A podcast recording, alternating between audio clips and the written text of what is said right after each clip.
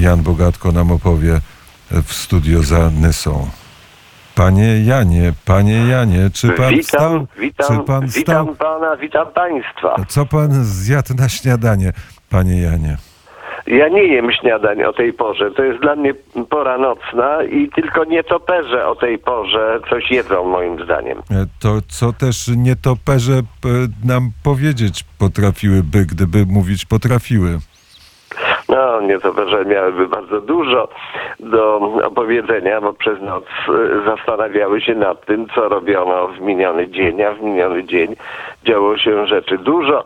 Na przykład w Berlinie postanowiono y, konferować y, na temat odbudowy Ukrainy. Wojna się toczy i w zasadzie moim zdaniem bardziej na miejscu byłaby konferencja na temat pomocy mm, finansowej i wojskowej dla Ukrainy w okresie wojny z Rosją.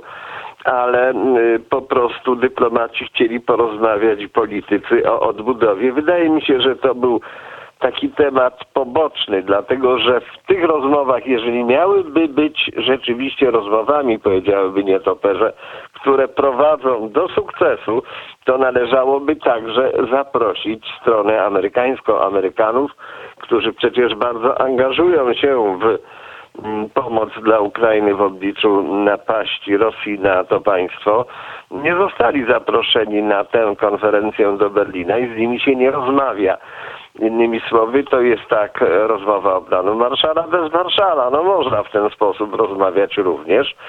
Mm, Wszelkie rozmowy z drugiej strony są potrzebne, dlatego że one zdradzają stanowiska określonych polityków, określonych państw w określonej e, sprawie. I tutaj widzieliśmy w- Berlinie oczywiście przegląd najważniejszych unijnych polityków, którzy mówili, jak należałoby zająć się odbudową Ukrainy. Mm, Potrzebny jest plan Marszala. To jest takie słowo, które się używa zawsze tam, gdzie chodzi o pieniądze i pomoc. Na wiek XXI to jest e, po prostu mm, zadanie dla tej generacji i należy to zadanie rozwiązać. Określa się to często mianem pytania za 750 miliardów dolarów. To jest jednak dość dużo pieniędzy, wyobrażam sobie, bo y, y, to jest y, kwota, która wynosi mniej więcej tyle, ile PKB Szwajcarii, a Szwajcaria, jak wiemy, do najuboższych krajów Europy nie należy. Jest państwem europejskim, mimo że nie jest Unii Europejskiej, a bardzo często sprowadza się Europę do Unii Europejskiej, pozostawiając niby, niby Szwajcarię za jej nawiasem, a tak nie bardzo się da. Ostatnia, a właściwie pierwsza konferencja na temat pomocy dla Ukrainy miała miejsce przecież w Lugano, też w Szwajcarii, też w bardzo ładnym, bardzo ładnym miejscu. No i oczywiście politycy rozmawiali dobrze, skąd wziąć na to pieniądze. Potrzebne są między 3 a 5 miliardów euro miesięcznie, aby pomóc Ukrainie w obecnej chwili. To jest bardzo, bardzo dużo pieniędzy. Yy, Pani von der Leyen yy, obiecała w Berlinie, a znamy obietnicę pani von der Leyen przecież bardzo dobrze, są to piękne obietnice, że Unia Europejska pokryje jedną trzecią y, wydatków budżetowych Ukrainy, a więc y, półtora miliarda euro miałyby państwa członkowskie miesięcznie przekazać do Ukrainy. I y, oczywiście y, doradca gospodarczy prezydenta y, Żeleńskiego, Aleksander Rodniański, wyraził wobec niemieckiej prasy we wtorek nadzieję, że Niemcy będą mogły miesięcznie przekazywać mniej więcej 500 milionów euro Ukrainie. Pół miliarda euro, pół miliarda euro miesięcznie. A we wrześniu Bank Światowy, rząd ukraiński i Komisja Unii Europejskiej określiła, że w zasadzie wystarczy na pomoc, e, na odbudowę Ukrainy 349 miliardów dolarów, że to wystarczy. No oczywiście są różne standardy odbudowy. No można robić z wielkiej płyty, a można z cegły, jak to się mówiło kiedyś. Ale tutaj niestety w okresie ostatnich trzech miesięcy wojny na Ukrainie po prostu mm, zniszczenia y, rosły w szybszym tempie niż do tej pory. Mm, Są przeprowadzane ataki rakietowe na ukraińskie miasta i pan y, prezydent Steinmeier, który bawił właśnie w Kijowie, doświadczył tego, co to znaczy musieć znaleźć się nagle w schronie, a nad głowami hula, hula mm, burza.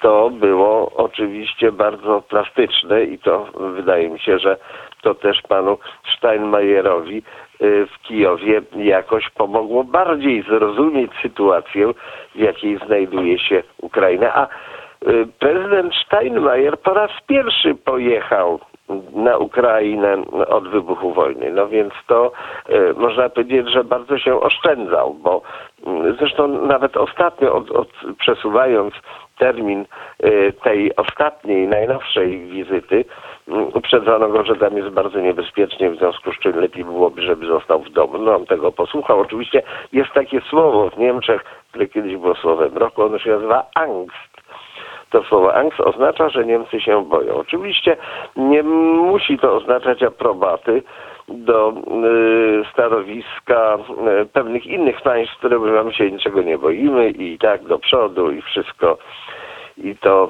da radę. No to też nie, nie bardzo można, ale przesadna ostrożność to jest nieostrożność, zwłaszcza, zwłaszcza w polityce. Zresztą y, Steinmeier miał już taki przykry incydent mm, z Ukrainą, kiedy Ukraińcy po prostu powiedzieli, że dziękują jemu za, za to, żeby przyjechał do kraju, w tym sensie, żeby nie przyjeżdżał na Ukrainę, więc doszło oczywiście do wielkiego dyplomatycznego zawirowania, zamieszczenia.